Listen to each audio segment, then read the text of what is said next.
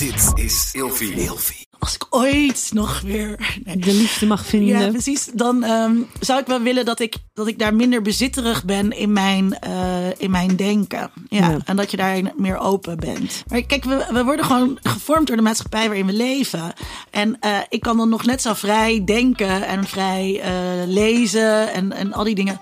Eh, maar uiteindelijk ja, ben ik ook opgegroeid in deze maatschappij. Welkom bij een nieuwe aflevering van Seks, Relaties en Liefdes. En vandaag bij mij Linda Duits. Welkom.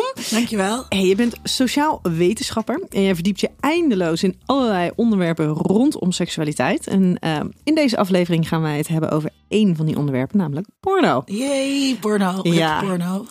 Clubporno, ja. porno. Hup, porno, ja. Clubporno, of hup, clubporno. porno. Team Ja. porno kunnen we ook doen. Ja, in ieder geval, porno. het, het wordt geen negatieve aflevering over porno. Nee, nee. Dus het is, het is best wel een van mijn, hoe zeg je dat, stokpaardjes. Om, eh, om de gospel eigenlijk een soort van van porno eh, te verkondigen. Omdat er zo negatief, eigenlijk alleen maar negatief over porno gesproken wordt. Mhm. En dat is heel erg zonde. Ja, en jij doet natuurlijk heel veel onderzoek naar, nou ja, naar allerlei onderwerpen, onder andere naar porno. maar zijn daar ook naast de wetenschappelijke onderzoeken die je doet, ehm, luister jij ook boeken? Lees jij ook boeken? Ik luister eigenlijk helemaal geen eh, boeken. Ik ben een super podcastluisteraar. Ja. Eh, Maar ik ben nooit begonnen aan boeken luisteren. Dat is eigenlijk wel een beetje raar. Ehm, omdat, ja, ik vind het prettig om op de fiets naar dingen te luisteren. En ik lees heel veel. Ehm, dus ik lees heel veel romans en ik lees heel veel voor mijn werk. Dus ja, ik moet er eigenlijk eens een keer- een keertje echt aan. Ja, nou ja, ik ben dus, eh nou ja, eigenlijk, ik heb het een paar jaar geleden heb ik het een keer geprobeerd om eh, via Storytel eh, boeken te luisteren. En dat was eigenlijk omdat ik dan bijvoorbeeld een radio-item moest doen. Toen werd de Nederlandse vertaling van Esther Perel's boek werd uitgegeven. En toen had ik s'avonds een radioshow. En toen moest ik ineens dat boek nog gaan lezen. Dus toen Ja. dacht ik, oh jee. Nou, toen dacht ik, hey, dat is handig. Dan kan ik het gewoon luisteren. En dan kan ik heel de dag door. Kan ik dat dus gewoon ja, meenemen. Ehm, maar ik merk dus nu ook, daar waar ik dus eh, eigenlijk niet aan lezen toekom, terwijl ik heel veel boeken heb die heel interessant zijn, Ja. kan ik nu heerlijk als ik in de auto zit, als ik onderweg ben, kan ik gewoon luisteren. Ja, ja, ja, bespaart echt tijd. En het moet even denk ik in je routine zitten, net als podcast luisteren. Ja, ja, en ik ben dus, dat is dus een beetje het gekke. hè. Ik vind podcast maken heel leuk, maar ik ben dus een hele slechte podcastluisteraar. Oh? Ja, omdat ik dan ga luisteren naar hoe klinkt het? Wat is de techniek? Hoe is de dynamiek? Al die dingen. En dan, dat wil ik helemaal niet. ja, ja. Nee. Hey, wat is een eh, boek wat jij hebt, eh, nou ja, dan wel gelezen hebt Ja. in, eh, in dit geval? Dat gaat over de liefde, wat dat jou heeft geïnspireerd. Ja, waar ik echt super veel aan heb gehad. Het is bijna een beetje een cliché, maar verslaafd, aan lief, verslaafd aan liefde van Jan Geurts. En ehm, ik zat met liefdesverdriet. En ehm, ik ben iemand, ik ben heel erg rationeel, heel analytisch ingesteld. Ik hou helemaal niet van dingen voelen. En dus zeker niet ook van, nou ja, niemand wil denk ik liefdesverdriet voelen. Zegt hier ook echt de wetenschapper, Dat- hè? Ja, dat is echt wetenschapper. Ja. Dus ik wilde, ik wilde er maar daar een soort weg uitlezen of zo. Of uit eh, redeneren. Dus dan ga ik allerlei dingen lezen. Eh, en ehm, Verslaafd aan Liefde is echt een enorme aanrader. Ook als je niet met liefdesverdriet zit, maar ehm, eh, wel eens relaties hebt of wel eens verliefd wordt. Omdat het heel erg laat zien ehm, hoe we. Eh, hoe je kan vergroeien eigenlijk eh, met iemand. En hoe je een claim op iemand kan leggen. En verslaafd aan liefde eh, is eigenlijk een soort ook pleidooi om mensen. Als je echt van iemand houdt, om iemand dingen te gunnen, zeg maar. En dat heeft, geeft een hele andere blik op liefdes en relaties. En ehm, ik, heb het, ik heb er in mijn, in mijn liefdesverdriet heel veel aan gehad. Ook omdat hij zegt, ja, je moet het gewoon doorvoelen. Nou ja, ik heb dus echt iemand nodig en blijkbaar ook een wat oudere man. Als soort vaderfiguur die zegt, weet je wel, je moet dit gewoon voelen. Niet je, niet je verzetten Ja. tegen deze gevoelens. Maar ze gewoon eh, doorvoelen. En er ondertussen dus ook een beetje over nadenken. En als er iemand is naar wie je wel wat naar wil luisteren, is het Jan Geurts. Absoluut. Ja. Ja. en ik gun dit boek dus ook echt aan iedereen. Dus ook als je, als je ver bent van liefdesverdriet, of als je single bent, om dit te leen- lezen, om dus ook echt na te denken over eh, ja, wat, wat verwacht je eigenlijk eh, van een relatie, maar ook. Ehm, want het gaat ook, ja, het is een zelfhulpboek, hè, dus er zitten- ook wat oefeningen in en dat soort dingen. Maar het laat je ook echt nadenken over waar ben ik nou eigenlijk bang voor. Nou ja, de meeste mensen zijn bang om verlaten te worden en afgewezen te worden. En als je dat dus ehm, op tafel legt of aan jezelf durft toe te geven, wat heel eng is. Maar dan is er ook een soort last van je af. Dan denk je, oh ja, dit is wat er nu gebeurt. Ja. Ja, nou ja, Ja. dat hoef ik jou natuurlijk niet te vertellen. Nee, nee, maar ik vind het alleen maar heel mooi dat het jou dus zo heeft, nou ja, eigenlijk geholpen en geïnspireerd heeft. Ja. Ehm, bij mij staat hij op de boekenplank, dus ik ga, tenminste op mijn Storytel boekenplank. Ja. Eh, dus ik ga hem ook absoluut luisteren. Maar wil jij nou ook dit boek, Verslaafd aan de Liefde van Jan Geurts, luisteren? Ehm, of mijn boek, ga dan naar storytel, eh, storytel.com slash Nienke en luister de eerste 30 dagen gratis. Je kan ook even de show notes checken voor de link. En wie weet kunnen deze boeken of een van de 300.000 andere luisterboeken en e-books jou ook wel inspireren. En ook helpen op het moment dat jij eventjes in de put zit. Ja. Hey, ik heb voor jou ook nog een cadeautje. Deze. Ik zat er wel Als op te hopen. Ja. Super nice.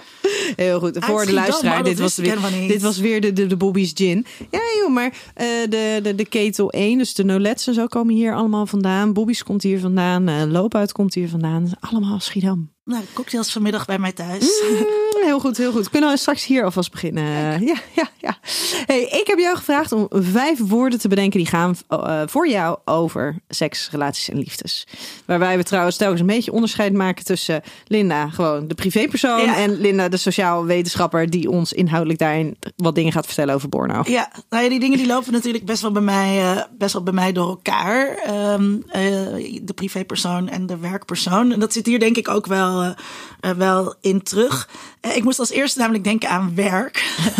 Ehm, maar werk eigenlijk op twee manieren. Kijk, het is mijn werk. Eh, ik ben heel veel met seks bezig. En ehm, eh, dat is, mensen vinden dat vaak ook een beetje raar. Dat herken je vast ook wel. Als je aan mensen vertelt dat, dat je over seks schrijft. Eh, nou, of denken ze dan dat je er wel pap van lust en komen ze wat dichterbij staan eh, en wordt heel erg met je geflirt. Of mensen gooien al je, hun relatieproblemen op je. Nou, ik moet dan dus zeggen, ik ben geen seksoloog. Ga naar een seksoloog. Ehm, eh, dus het is voor mij ook iets wat heel normaal is, zeg maar. Ja, dus het is ook niet ehm, heel spannend eh, eh, in die Jammer zin. is dat ook wel eens, hè? Ja, Dat je er zoveel mee bezig bent, dat je er zoveel al over geschreven hebt, gehoord hebt, ja. dat het de spanning, de magie ook af en toe een beetje Ja, kwijtraakt. ja, en je kan mij ook eigenlijk niet chockeren ergens mee. Ik heb alles gezien, alles gehoord. Eh, dus dat. Dus daar moest ik aan, aan werk denken. Eh, maar ook aan werk omdat eh, seks, liefde en relaties is ook werk. In de zin dat je moet er eh, ehm, aan werken. Dus je moet, hè, dus, je moet relaties moet je onderhouden. In de liefde moet je investeren. Daar moet je mee bezig zijn. Seks, voor seks geldt ook hetzelfde. Hè? Mensen denken allemaal dat dingen vanzelf komen. Ik denk dat dat een van de ehm, kwalijkste ideeën zijn die we hebben over, over, over seks, liefde en relaties. Een soort romantisch ideaal. Dat, dat het we maar allemaal- ja. aanvoelen. En dat de ware liefde, als het ware liefde is, dan komt alles vanzelf, hoef je niks te doen. En Precies. seks, iedereen is een of andere geweldige minnaar en moet alles enorm goed beheersen. En gedachtenlezer. Absoluut, alles. Ja, al die dingen. Terwijl, ehm, nee, je, je, moet er, je moet er echt met z'n tweeën of met z'n drieën of meer mensen eh, eh, aan werken. We, we don't judge. We don't judge, ja, precies.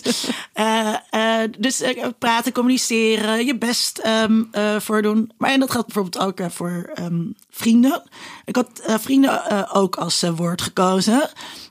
Omdat ik vind dat we best wel beperkt idee, of eigenlijk ja, een beperkte woordenschat hebben eh, als het aankomt op onze relaties. Dus we hebben ehm, liefde, dat is vaak voorbehouden aan een romantische partner of aan een seksuele partner. In die hoek, hè, dat, is, dat is je verkering, dat is je relatie, of dat is je vriend. Ehm, en daarnaast heb je vrienden. Eh, terwijl eh, daar zitten natuurlijk allerlei gradaties tussen. En ik zou dat veel meer open willen breken. Eh, en vrienden zijn voor mij ontzettend eh, belangrijk. De relaties die ik met mijn vrienden heb. En ook daar vind je eh, dingen ja, die, die, je bij, die je ook bij romantische partners vindt. Zoals intimiteit en geborgenheid en veiligheid. en al die andere dingen. Jij gooit er nu gewoon nog even drie, vier extra woorden tussendoor. Nou ja, dat zijn dus niet woorden waar ik als eerste, die als eerste belangrijk Nee, voor oké. me zijn. Maar daar hou ik natuurlijk wel van. Ehm, plezier. Ja. Eh, sowieso ben ik wel echt een plezierzoeker. ik, hou, eh, ik hou van plezier. En er zit gewoon heel veel plezier in seks. Eh, seks is ontzettend leuk. Ehm, seks maakt gelukkig. Seks brengt plezier. En dat gaat natuurlijk ook voor, voor liefde en relaties. En ehm, ja. ja. Heb je daar een vraag bij? Nee, niet. Zal ik gewoon door? Ja, jij straalt ook een en al plezier uit. Dat is voor de mensen die dus Linda niet kennen. Die zijn alleen maar aan het lachen van oor ja, tot oor. Ja, ik ben, ik ben iemand die eigenlijk altijd wel vrolijk is. Ja. En altijd wel blij is. Eh, en dus ook, ja, dat, dat, ik heb altijd wel ook het idee... ehm, dat er ook een beetje een soort... ehm, we zijn natuurlijk een Calvinistisch land. Eh, ja, dat er, er zit vaak een beetje een soort smet op plezier. Alsof je dat eigenlijk niet zou eh, moeten mogen nastreven. En dat zit bijvoorbeeld heel erg in ehm, eh, als het over seks gaat. Dus we zitten, heel, we hebben, zitten heel erg sterk aan een idee vast dat er zoiets is als te veel seks. Hè, dus dat je als, nou ja, zeker meisjes en vrouwen, wordt toch wel voorgehouden, eh, al vanaf dat we jongs af aan zijn. eh, ja, dat, dat, eh, dat ehm, eh, je eigenlijk emotioneel gehecht moet zijn aan iemand waarmee je seks hebt. Dus als het gaat over de eerste keer, nou, dan krijgen we heel erg te horen. eh, geef het niet te snel weg. Zorg dat je met iemand bent Die het waard is. Die het waard is. Dat idee van dat, er een soort kost, dat je een soort kostbaar geschenk aan iemand kan geven, wat ook op kan gaan. Eh, dat is wel aardig hier. ehm, eh, de televisieserie Jane the Virgin. Oh ja. Heb je dat- Heerlijk. Super heerlijke serie eh, over, over Jane die dus maagd is. Maar helemaal aan het begin eh, krijgt ze van haar oma een hele mooie witte bloem. En die oma, is Jane helemaal blij met die bloem. Dan zegt die oma, verkruimel de bloemen, verfrommel hem maar helemaal. Dus nou, Jane doet dat. En dan zegt die oma, en dit is met je maagdelijkheid wat er is. Als je hem eenmaal eh, weggegeven hebt, komt hij nooit meer terug. Ja. Nou, en dus zo'n idee van dat er dus iets kostbaars is, dat je niet met al te veel mensen moet delen, want dan, dan is het minder waard of zo. En dat je dus niet te veel sekspartners moet hebben, maar eigenlijk dus ook misschien niet al te veel seks eh, moet hebben. Dat is toch een soort van afkeer van plezier ook die, daar, die, daar, die daarin zit. Dat je jezelf dat vooral niet moet gunnen. Dat je jezelf dat niet moet gunnen, ja, dat daar iets mis mee eh, zou zijn. En dat is ontzettend jammer. Ja, dus ik ben ook wel een plezierpleitbezorger.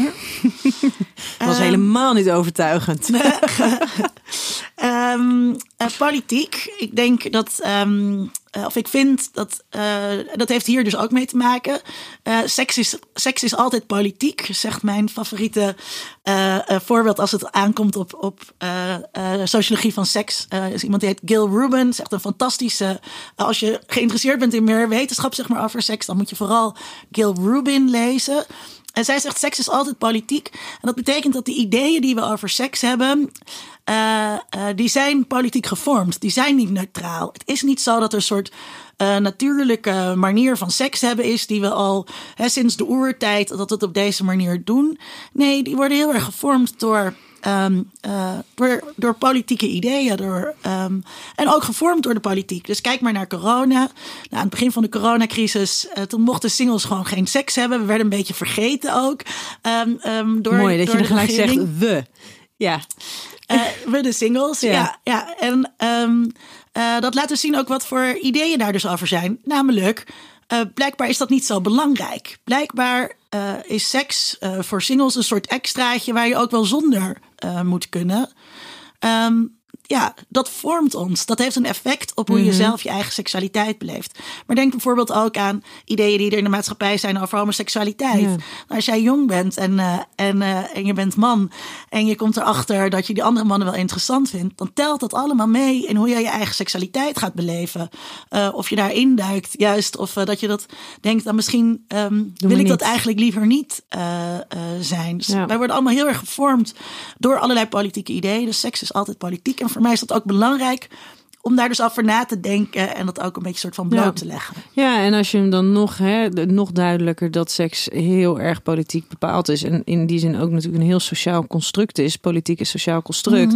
Eh, dingen zoals de abortuswet, Ja. eh, anticonceptie, ehm, de, de, de, het- het- het- het- nou ja, same-sex marriages. Ja, precies. Ja. Weet je, dat soort dingen. Dat zijn natuurlijk letterlijk dingen die in de wet staan vastgelegd. Er worden ontzettend gereguleerd op allerlei manieren. Ja, abortus is trouwens wel leuk. Of nou leuk. Ehm, eh, en, eh, ik heb nu een scriptiestudent die doet onderzoek naar eh, de representatie van abortus in Nederlandse films en series. Ehm, want dat telt natuurlijk ook mee. Hè? Ik ben media. Ik, Ja. zit, ik ben sociaal wetenschapper gespecialiseerd in media. Ehm, dat, eh, dat het eh, vaak een soort schaamtevolle gebeurtenis is, die abortus. Ja. We denken dat we in Nederland heel open zijn als het gaat over abortus, maar er wordt eigenlijk heel weinig over gesproken. En dus ook in films en series is zijn voorzichtige eh, conclusie nu al, ehm, dat dat iets neergezet wordt als iets waarvoor je moet schamen. Dat ik ook heel erg over na te denken van hoe kan dat nou toch? Dat wij, hè, we zien ons graag eh, als een vrij land eh, in Nederland, waar ook abortus onder vuur ligt. Hè. Ik denk dat we daar heel erg voor moeten waken en op moeten passen. Ehm, maar dat toch mensen het moeilijk vinden om over die abortus te praten. En misschien komt dat wel omdat we goede seksuele voorlichting hebben. Eh, we hebben hier goede anticonceptie. Dat er dan toch zo'n idee is van als je dan toch zwanger wordt, eh, Ja, on- dan heb je wel iets heel stoms gedaan. dan heb je iets stoms gedaan. Ja. ja. Er is trouwens over documentaires en over abortus. Tessa Louise Poppen heeft een hele mooie documentaire gemaakt over abortus. Waarin er op een hele mooie manier over Ja. gesproken wordt door een aantal dames. Ja, eh, over tijd heet die over tijd, ja, precies. 2019. Die heeft eh, twee jaar geleden ook eh, de MVV, of vorig jaar ook de MVV's Mediaprijs Oh, gekregen. Eh, ja, dat, ik vond hem echt, ik vond hem prachtig. Ja. En dat is denk ik een heel, zeker voor, nou ja, voor, voor mensen die in een dergelijke situatie hebben gezeten, heel, kan dat heel helend zijn om die te kijken. Ja. Om punten van erkenning, maar ook voor mensen die het lastig vinden om te begrijpen wat het nou is en waarom je het zou doen. Denk ik dat het ook een niet grensoverschrijdende, gewoon een hele mooie, integere documentaire is. Ja, zeker Ja. een aanrader. Ja. Ja. ja. Hey, ik heb eh, vijf kutkeuzes voor jou. Yes. Ja? Intimiteit of seksualiteit? Eh, ik wist dat die ging komen. Eh, eh, intimiteit. Ja? Ja, um, en dat heb je echt tijdens, tijdens corona gemerkt. dat die alledaagse aanrakingen, waar je normaal eigenlijk helemaal niet van bewust, of waar ik me normaal helemaal niet van bewust was, hoe vaak eh, ja, je met je aan mensen zit eigenlijk. Mensen knuffelt of even een hand op iemands arm legt. Ehm, maar ook momenten van samen zijn met vrienden. Ja, toen dat stopte tijdens die eerste lockdown. eh, eh, en iedereen had ook het woord huidhonger. Lag in één keer bij heel veel mensen eh, op de lippen. Dat je dat echt voelde. Ja, oké, hè, zonder seks kan ik wel een tijdje. Maar zonder intimiteit kan ik eigenlijk nou, misschien een paar, paar dagen. Ja, en zeker intimiteit in de vorm van fysieke aanraking. Fysieke aanraking is natuurlijk gewoon een primaire levensbehoefte. Ja, maar en dus ook, eh, dus ook intimiteit met je vrienden. Eh, Hoe heerlijk het eigenlijk is, weet je wel, om, eh, om met iemand op de bank te hangen en een film te kijken. Dat is ook super. lekker samen niks zeggen of zo. Ja. Dat is ook heel erg. Of heel hard kunnen intiem. lachen of, of Ja. huilen of wat dan ook. Gewoon het samen kunnen zijn. Ja, ja, ja, dus absoluut intimiteit. Ja. Strikte monogamie of een relatie met meer vrijheden? Ik, zou, ik wil heel graag de persoon zijn eh, die kiest voor de relatie met meer vrijheden. Maar Nou, het is dus ook omdat ik ben er de laatste tijd heel veel over aan het nadenken geweest. Ik heb er heel veel over geschreven. Eh, maar dat heb ik allemaal gedaan in een periode dat ik geen, eh, geen eh, liefdespartner had. Of hoe zeg ik dat nou zonder zelf terug te vallen in het idee dat, eh, dat dat altijd een romantische partner moet zijn. Ehm, eh, maar hiervoor heb ik wel, dat, de relaties die ik had, die waren monogaam.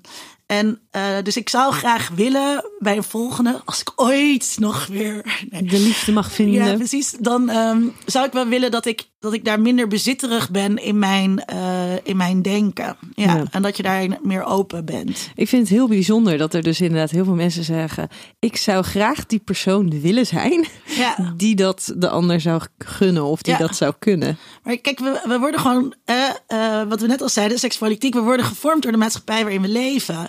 En eh, ik kan dan nog net zo vrij denken en vrij eh, lezen en, en al die dingen. Eh, maar uiteindelijk ja, ben ik ook opgegroeid in deze maatschappij. Ehm, met het idee, ja. echte liefde is monogaam. Dat, en ook het idee. Ja, of echte liefde geeft de ruimte Ja. voor vrijheid. Ja, en dat is dus wat ik, wat ik vind. Mhm. zo zou het moeten zijn. Maar ik ben natuurlijk nog steeds gevormd door al die andere dingen die ik altijd heb meegekregen. Ehm, ik, ehm, eh, dus ik vind ja, de ruimte, om ja, liefde gaat echt over de ander iets gunnen ook. Ik denk dat dat echt de liefde is. Uh, en jij zei een keer uh, in deze podcast um, met uh, die jongen van Temptation Island. Mm -hmm. dat heeft me zo geraakt ook. Dat je zei, monogamie um, is veel makkelijker. Want dan kan je ook liegen en bedriegen. En dan hoef je niet heel eerlijk te zijn en open en te communiceren. Toen dacht ik, oh ja, dat is ook echt, dat is zo waar. Um, en ik wil al die dingen wel ik wil wel open zijn en communiceren en de ander ruimte laten. Ja. Ja. ja. Praten of dansen met een ander om de verbinding aan te gaan? Zo onmogelijk uh, uh, is dat. Nee hoor, helemaal niet. Het is het allermakkelijkste voor mij. Echt? Ja, praten. Ja, ja ik hou zo van kletsen. Ik heb echt een enorme kletsen. Dat had ik niet gemerkt. Nee, babbelen, babbelen, babbelen. Nee, ja. ja, nee, dus... Um, en ik hou heel erg van dansen. Ik vind dansen heel erg leuk. Um, ik ga heel veel, of nou, nu weer even niet, want zit weer in lockdown. Um, maar toen, toen het kon, ben ik ook heel veel weer uitgegaan. En um, uh, maar dat is voor mij niet per, se manier om connectie met iemand anders aan te gaan. Ik ben ook, als ik uitga, ben ik ook helemaal niet bezig met flirten of met uh, op zoek zijn naar een, uh, een man uit stand of zo. Echt, ben ik echt gewoon met mijn vrienden een hele leuke tijd aan het hebben. Um, en dat gaat meer over mezelf dan over een connectie met anderen. Ja. Porno met je partner kijken of porno alleen kijken? Um, porno alleen kijken.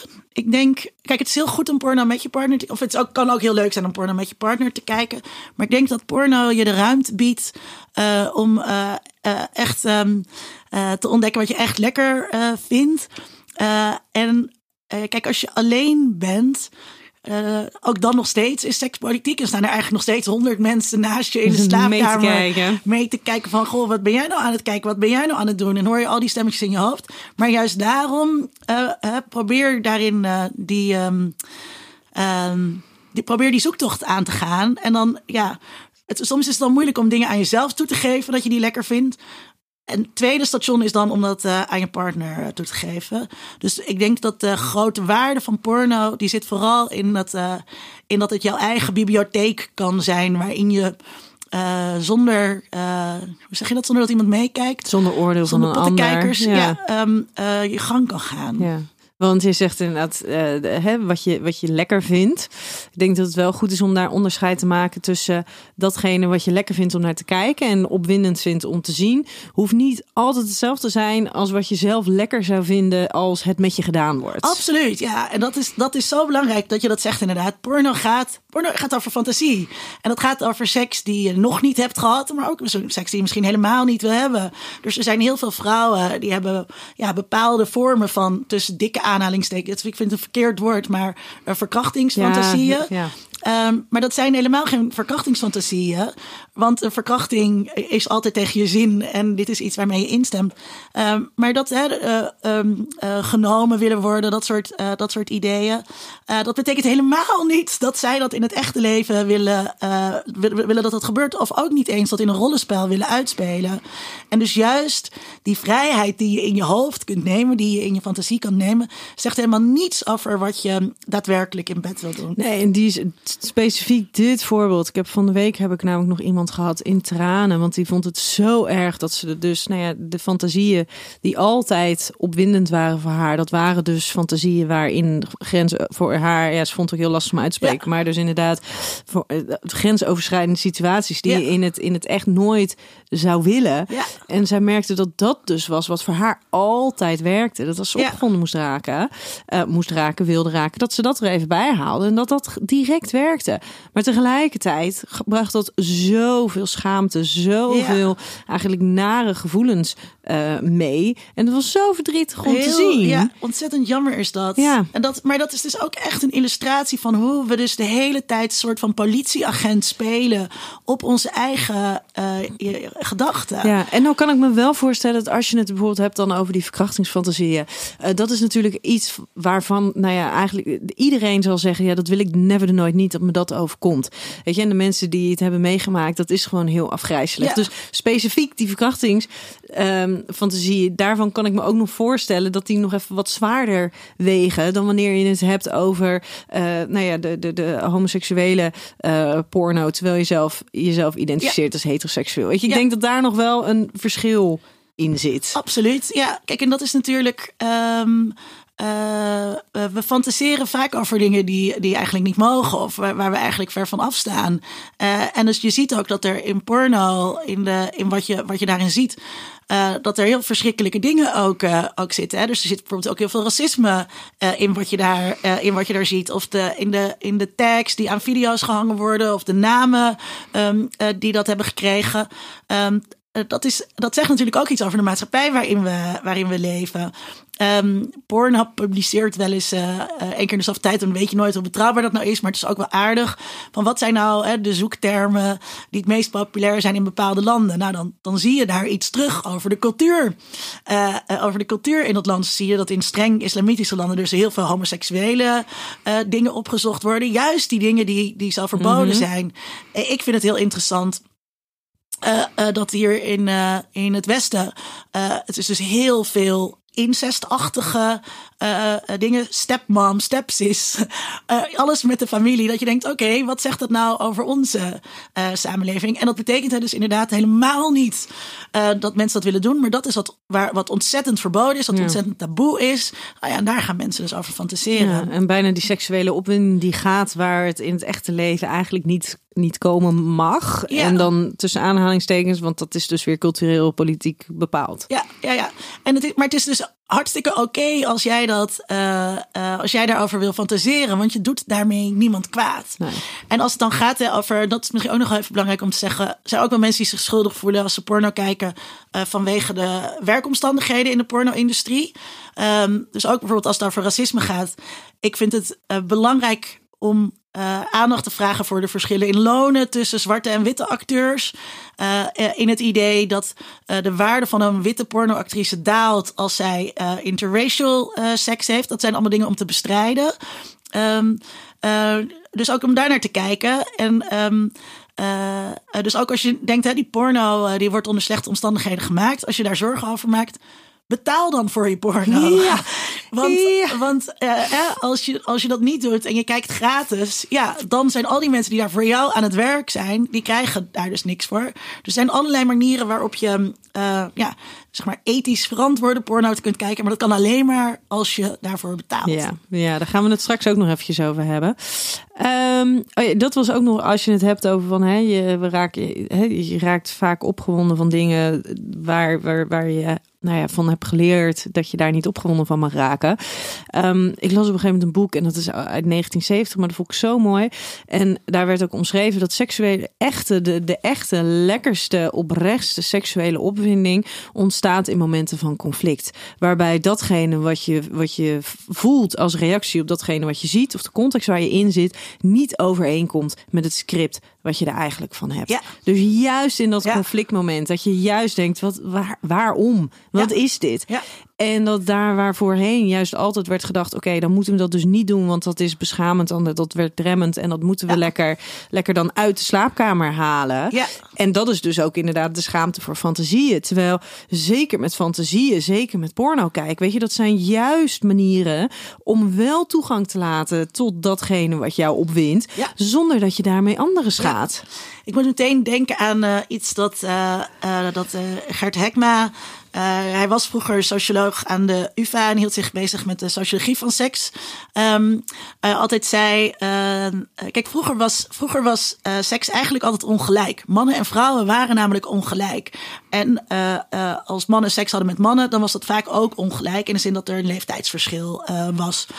Um, met, de, met de emancipatie van, uh, van in de jaren 60 en 70 is die gelijkwaardigheid heel erg hoog komen te staan. Dus mannen en vrouwen willen gelijkwaardig zijn in een relatie, willen ook gelijkwaardig zijn um, in bed. Uh, terwijl het dus juist heel spannend kan zijn als er ongelijkwaardigheid is.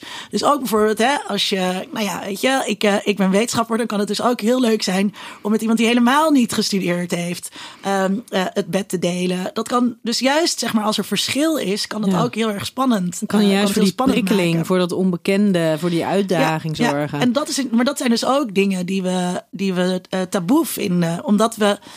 Um,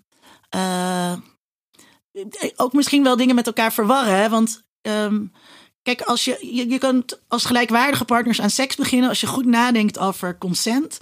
Maar dat betekent helemaal niet vervolgens dat je in bed gelijk, gelijkwaardige rollen uh, aanneemt. Hè? Dus ook dominant zijn en onderdanig zijn, dat wordt heel lastig als je zo vasthoudt aan dat gelijkwaardigheidsidee. Ja. Ja, en juist die verschillende rollen kunnen heel bevrijdend zijn tijdens de seks. Want dan hoef je namelijk niet continu bezig te zijn met: oké, wanneer moet ik geven? Wanneer mag ik ontvangen? Is het wel gelijkwaardig? Terwijl als je dus inderdaad zegt: hé, hey, dit is jouw taak, dit is mijn taak, kan je vaak veel meer opgaan. En in het ontvangen van het genot, maar ook in, in het bezorgen van. Ik moet nu heel erg denken aan wat ik ooit uh, um, hoorde: um, The Will of Consent van Betty mhm. Martin. Uh, en dat gaat over. Nou, sowieso vind ik nadenken over consent dat we dat best wel op een verkeerde manier doen. Uh, maar um, dat Will of Consent gaat over. Um, uh, ga ik jou nu aanraken voor mijn plezier mm of voor jouw plezier? En wil ik door jou aangeraakt worden voor jouw plezier of voor mijn plezier? En ik, nou, toen ik dat hoorde, toen ben ik echt weken onder de indruk geweest. Omdat ik het zo radicaal vond. Dat, dat je onderscheid durft te maken tussen is deze aanraking nou voor jou of voor mij? Uh, en dat je dus ook kunt zeggen, nou, um, ik vind het zelf niet zo heel spannend als je me over mijn haar eit. Maar als jij dat heel lekker vindt, nou ja, go ahead. Ik heb er geen last van. Ja, Prima. precies. Want dat gun ik jou ook weer in, um, in bed. En dat vond ik zo bijzonder dat je. Maar dat betekent dus um, uh, dat je dus een soort gelijkwaardige gesprekspartners bent. Dat je dus echt, echt gaat nadenken over consent. En wat is dat nou? Wat veel verder gaat dan uh, uh, er moet een actieve ja zijn of zo. Mhm. Wat, de discussie vind ik nu een beetje plat. Maar dus echt ervoor gaan zitten. En vervolgens kan je dan dus bespreken hoe je ook ongelijkwaardig tussen dikke aanhalingstekens seks gaat hebben. Ja, waarbij dus weer gelijkwaardigheid is, want er is consent. Precies. Dus ja, er zijn kaders. Ja, en er zijn te veel, um, vooral hetero vrouwen, voor wie de seks, die seks een soort van ondergaan. Omdat ze dat fijn vinden voor, omdat ze denken dat hun, dat hun partner dat nodig heeft of daar recht op heeft. En ik dan dus maar een beetje doorstaan. Zonder dat dus benoemd wordt in die relatie. Dat die seks dus eigenlijk is. Uh, het aanraken is eigenlijk voor het plezier van de ander. Ja. Verder niet. Ja. En dan is er dus ook helemaal geen wederkerigheid of gelijkwaardigheid. Nee, nee. Hey, de laatste kutkeuze. Porno als inspiratie of porno als bron van onzekerheid en onrealistische opvattingen over seks? Nou ja, die is heel makkelijk. ja, porno als inspiratie natuurlijk. Uh, kijk, ja, we. Um, er wordt, er wordt steeds, wij, wij houden steeds ook jonge mensen voor, of elkaar ook voor, dat porno onecht is. Dat porno um, uh, uh, seks laat zien die je eigenlijk niet zou moeten willen hebben. Uh, omdat, het, omdat het buiten de perken is, omdat het vies is, omdat het nou ja, op, op, op allerlei vlakken. En dan kom je terug van wat is dan, wat voor seks zou je dan eigenlijk wel mogen hebben? En is dat dan alleen maar hè, missionaris in bed in het donker? Um, dus, dus daar straalt heel veel negativiteit over seks over uit. Maar ook ja, waarom zeg je niet, oké, ik, haal, ik haal hier graag de, vaak de, de voetbalvergelijking aan. Kijk, ze zeggen ook niet tegen, tegen kinderen die naar Ajax of Feyenoord kijken en zeggen, ja, zoon, hè, dat, kijk, dat is niet echt voetballen. Dat gaat jou nooit lukken. Dat, jij gaat nooit zo worden, zo goed worden of, of wat dan ook. Dus uh, denk maar niet, denk maar niet uh, dat, dat doe je niet. Uh, terwijl mensen die in de porno-industrie werken, dat zijn professionals. die weten wat ze aan het doen zijn. Je zou kunnen zeggen, dat, dat is een ideaalbeeld.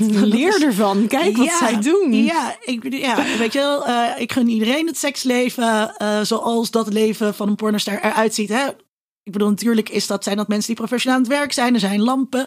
Hè? Er zit een heel productieproces achter. Er wordt wat geknipt en geplakt. Exact. Maar uiteindelijk is het wel, ja, spetterende seks. Um, waarom niet? Uh, dus die, die negativiteit die daarvan uitgaat, dat vind ik heel jammer. Dus het gaat altijd over. Dus ook als je kijkt naar onderzoek dat er naar porno gedaan wordt. Als je financiering wil krijgen, ja, dan hoef je echt niet aan te kloppen bij de geldverstrekker met. Uh, ik wil onderzoek doen naar het plezier dat porno mensen brengt. Maar als jij zegt, ik maak me zorgen over de effecten van porno op de jeugd, nou dan krijg je meteen een enorme zak met geld mee. Dus daar is heel veel, heel veel onderzoek van uh, naar. Terwijl ook dat uh, soort onderzoek moeite heeft om nou precies die schadelijke effecten aan te tonen. Mm. Uh, en dat maakt het ook interessant. Hè? Dus ze willen steeds maar weer uh, dat bewijzen, terwijl dat niet goed um, lukt. En daar dus wel weer allerlei van dit soort aannames uitkomen. Namelijk, seks is niet, die porno is niet echt. Ja, en dat is natuurlijk inderdaad wel. er, zijn, er zijn pornokijkers waarbij het uit de hand loopt. Er zijn pornokijkers waarbij, eh, waarbij de porno echt wel heftige gevolgen heeft, dan wel op het fysieke welzijn, dan wel op het mentale welzijn, dan wel op de seksuele ontwikkeling. Maar het grootste gedeelte van de mensen kijkt porno gewoon recreatief. Ja. Ja, ja, dus dat, kijk, en ik, ik ken ook wel uh, mensen die daarin zijn doorgeschoten, zeg maar, of die daar problemen uh, mee hebben. Um, en dat heeft natuurlijk te maken kijk, met allerlei gedragingen die kunnen uh, compulsief worden, hè, dus dwangmatig worden. Um, waarbij het een verkeerde plek in je leven uh, gaat innemen. Uh, dat kan met porno, dat kan ook met eten. Dat betekent niet dat eten uh, slecht is. En dat betekent ook niet dat porno slecht is. En wat daarbij ik ook wel interessant vind. Ze weten bijvoorbeeld ook dat dit heel veel onder. pornoverslaving komt veel voor onder christelijke mannen. Ja, dat heeft ook te maken met dat die christelijke mannen kijken naar hun eigen gedragingen. Um, schrikken daarvan, uh, vinden dat uh, uh, niet goed dat ze dat doen. En dan kijk je op een hele andere manier naar je porno gebruik. Terwijl die mannen misschien veel minder porno kijken dan mijn gay vrienden. Die er helemaal niet zo'n probleem in zien om veel porno te kijken. Veel minder oordelend Veel minder oordelend zijn. Ja, en een partner hebben die, die niet okay vindt dat dat vreemd gaan is. Want dat hoor je ook nog wel eens. Hè? Dat partners zeggen... Uh, ja, als je porno kijkt, dan is het een vorm van vreemdgaan. Of die het ook, of sowieso partners die het onprettig vinden dat de ander masturbeert. Ja, dan kom je, dan, ja, dan zit je in, dan is het dus veel, dan kijk je op een andere manier naar je eigen gedrag. Um, en dan is dat gedrag dus ook een probleem. Ja, en dan wordt het, inderdaad problematisch. En dan kom je in een negatieve cyclus terecht. En dan ga je liegen tegen je partner. Je gaat uitvluchten bedenken. Nou, dan voel je je nog meer schuldig over dat gedrag. En dan ga je, nog meer kijken. Want dat is ook wel weer lekker zacht, verzachtend en helend. En geruststellend op de korte termijn. Ja. Dan moet je naar een seksuoloog, zeg ik altijd. Oh, is dat het moment? Hey, ik heb uh, nog vijf stellingen voor jou. En dan gaan we beginnen met, uh, met de eerste, namelijk porno is geen echte seks. Ja, nou ja, daar hebben we het eigenlijk al over gehad. Uh, uh, dat verhoudt zich tot, uh, ja, Champions League voetbal is geen echt voetbal. natuurlijk is en juist, dat vind ik dus altijd heel grappig. Um, kijk, op het moment dat je op televisie in een misdaadserie, er wordt iemand neergeschoten, dan gebeurt dat niet echt. Terwijl in porno gaan er echt penissen in vagina's. Dus in die zin is het hartstikke echt seks. Het is gestileerde seks. Net als dat andere dingen die je in films en series ziet gestileerd zijn. Um, maar dat betekent niet dat het niet nastrevenswaardig is. En ik ben veel meer verpest door zeg maar normale Amerikaanse films en series. Waarin, uh, waarin ik een idee van seks kreeg dat, uh, dat, de, dat de deken altijd precies over je billen blijft liggen. En dat mannen en vrouwen altijd op hetzelfde moment klaarkomen. Uh, dat heeft mij veel verkeerdere beelden gegeven over seks dan, dan porno. porno. Ja, en ik weet nog wel Jennifer Lyon Bell. Die, nee, die kennen wij natuurlijk allebei. Maar die maakt ehm, zogezegde vrouwvriendelijke pornofilms. Waarbij het inderdaad gewoon een, een, nee, een stuk realistischer beeld is van seks. Hoe, hoe hoeveel, hoeveel mensen dat kennen. Um, en zij zei op een gegeven moment van ja, maar de seks die in porno wordt getoond, waarbij er een enorme diversiteit is in vormen van seksualiteit die daarin wordt getoond. Weet je, als jij iets kijkt, misschien dat specifieke stuk is misschien niet jouw vorm van seks, maar het is iemands vorm van seks. Ja, ja. Dus ook de seks in porno is gewoon seks. Ja. Maar het kan zijn dat het net even niet is wat jij ambieert of wat jij uh, opwindend vindt.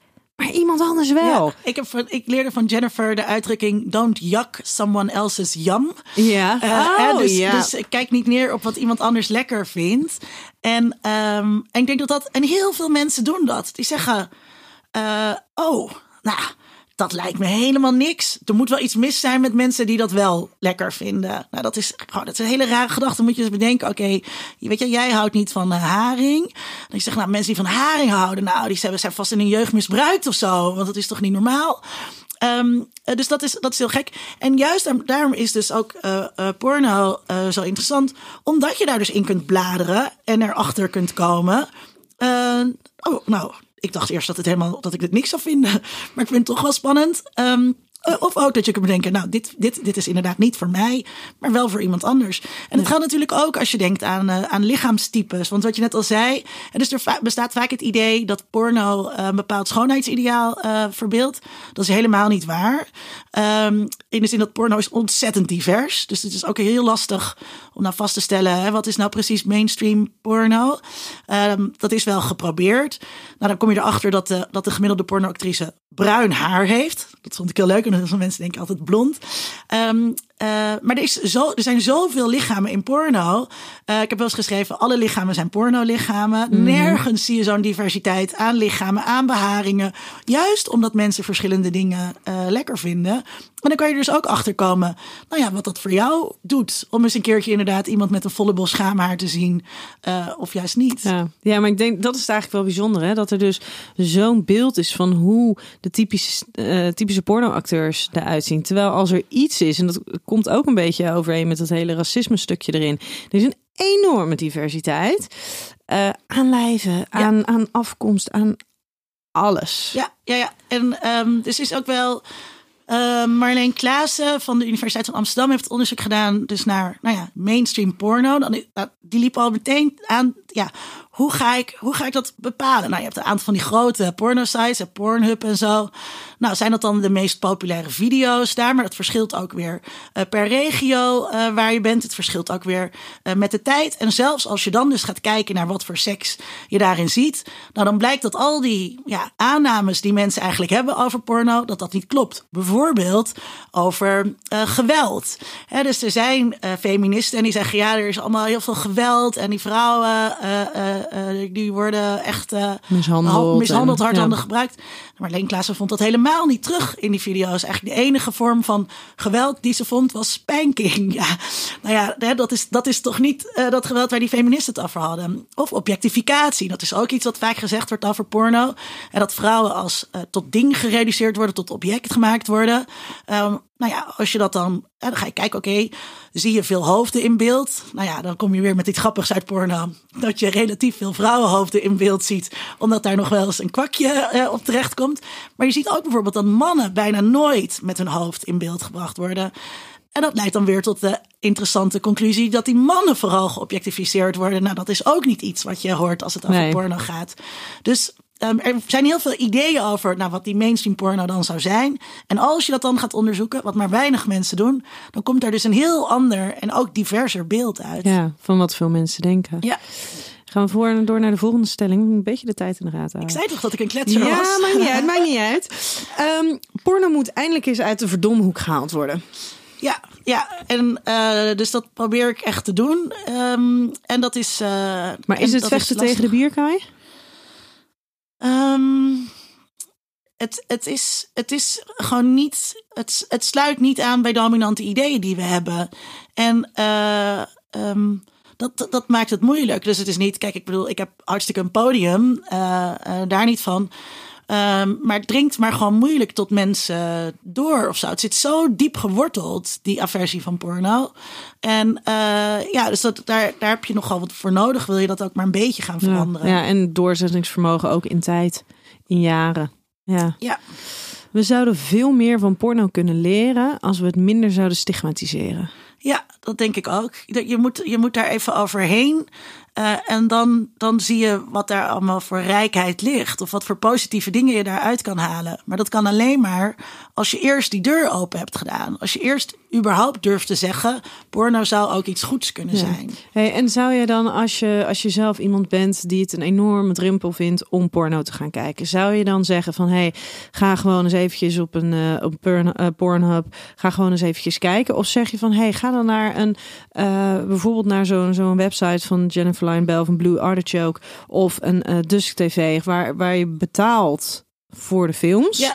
Ehm, zeg je dan van nou, ga dan eerder daarheen?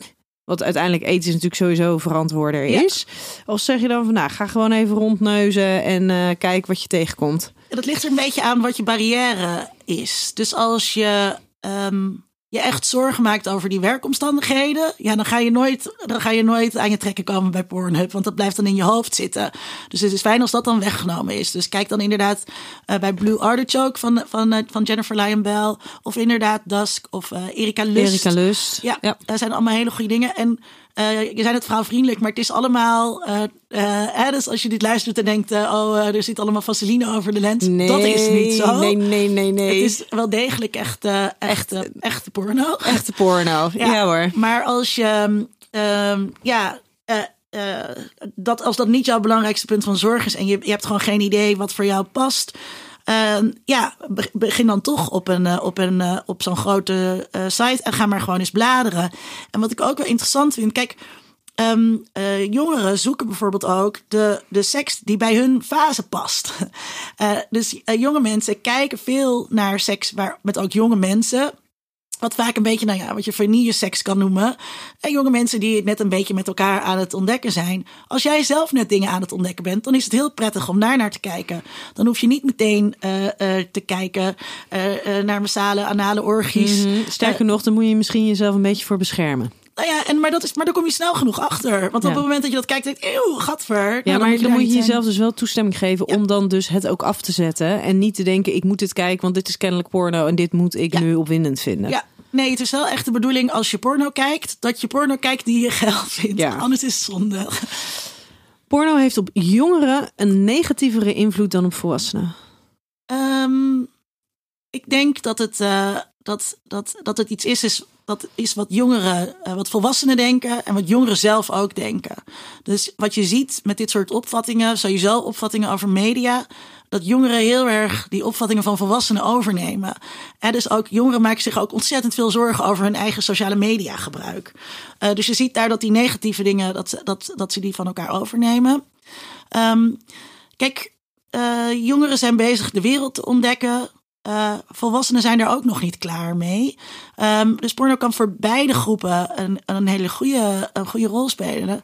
En beide groepen zijn er gewoon van overtuigd, eh, in hoofdzaak van overtuigd, dat dat niet zo is. Ja, Ja, ik denk dat het vooral ook heel belangrijk is dat je naast het gebruik van porno eh, weet dat porno niet het gehele spectrum van seksualiteit eh, weergeeft. Ja, En dat je daar een soort van realistisch bent van ja, het is iets leuks om erbij te hebben Ja. en af en toe eens even van te kunnen genieten en wellicht zelfs inspiratie uit op te doen. Ja. Maar porno is niet per se altijd maar de werkelijkheid van dit is hoe seks eruit ziet. nee, nee, dus je hebt net naar, je hebt net naar Ajax gekeken. eh, eh, die, En vervolgens te sta je gewoon weer op je eigen voetbalveldje op de Precies, sta je- zaterdagochtend. Sta je, op je, sta je op je pleintje en ben je met iemand aan het voetballen.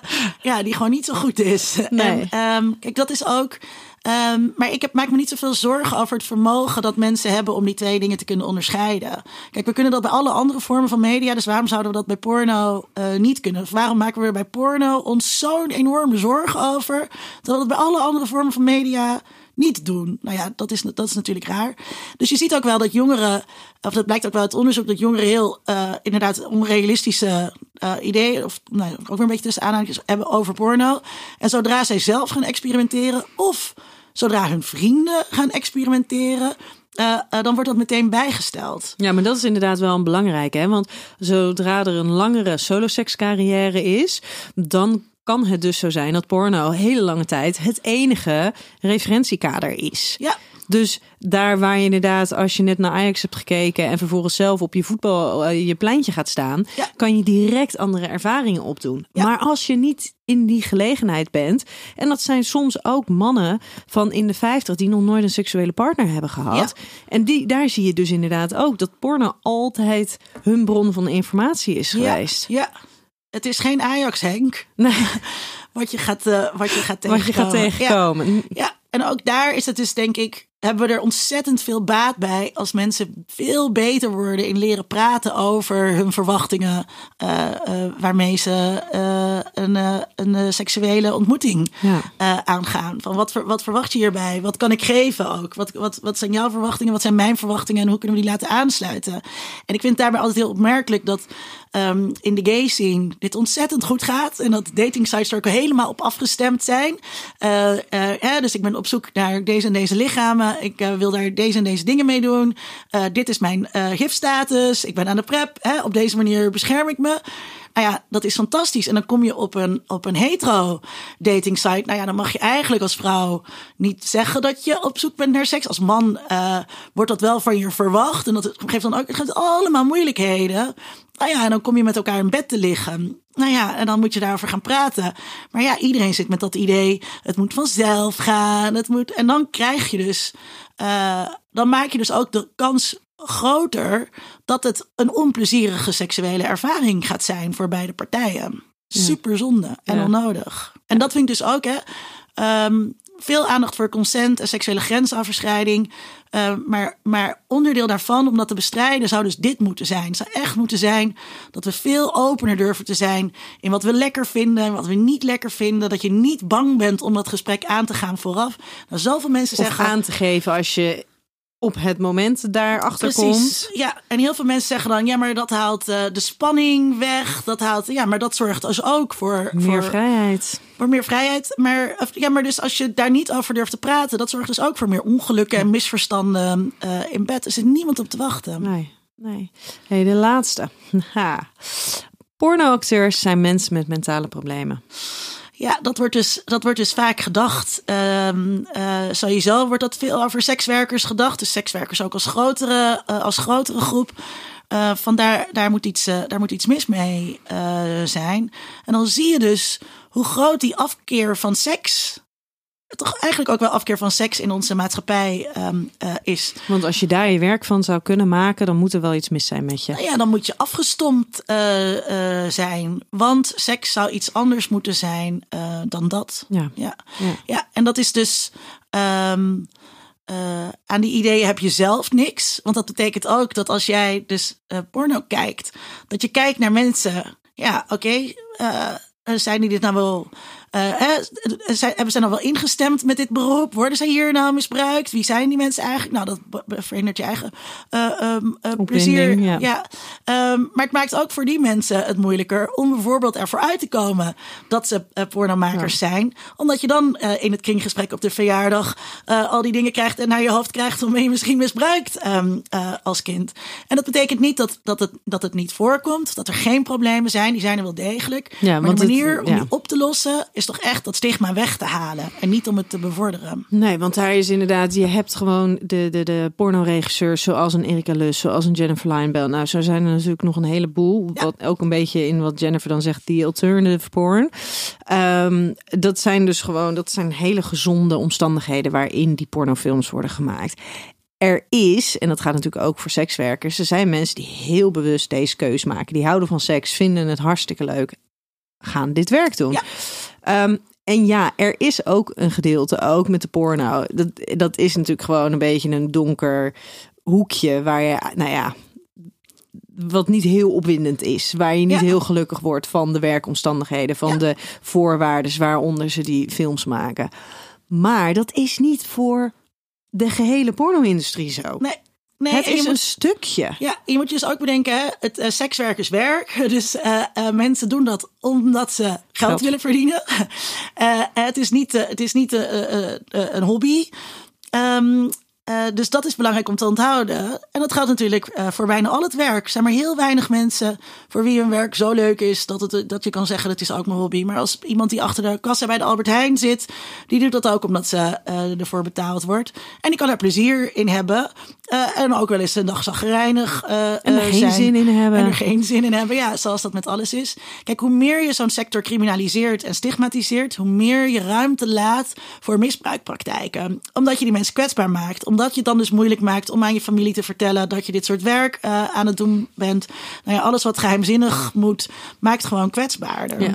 Dus de, de weg daaruit is, is dus juist echt de andere kant, uh, andere kant op.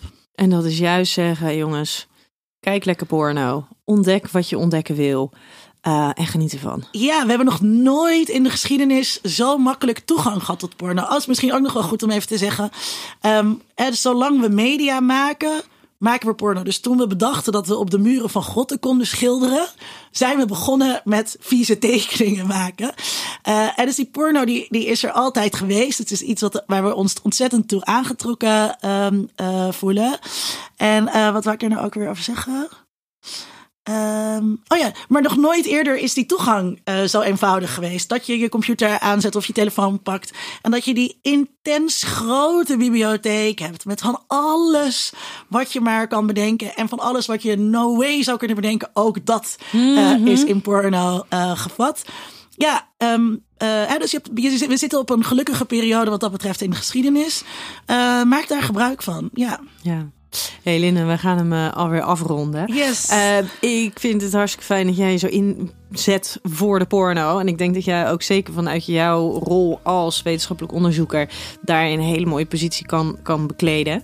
Mocht je nou als luisteraar van deze podcast het boek lezen, uh, Verslaafd aan Liefde van Jan Geurt, of je wil mijn boek beluisteren, dan kan het nu de eerste 30 dagen gratis via storytel.com slash Of check de show notes eventjes. Lieve luisteraar, tot volgende week bij een nieuwe aflevering van Seks, Relaties en Liefdes.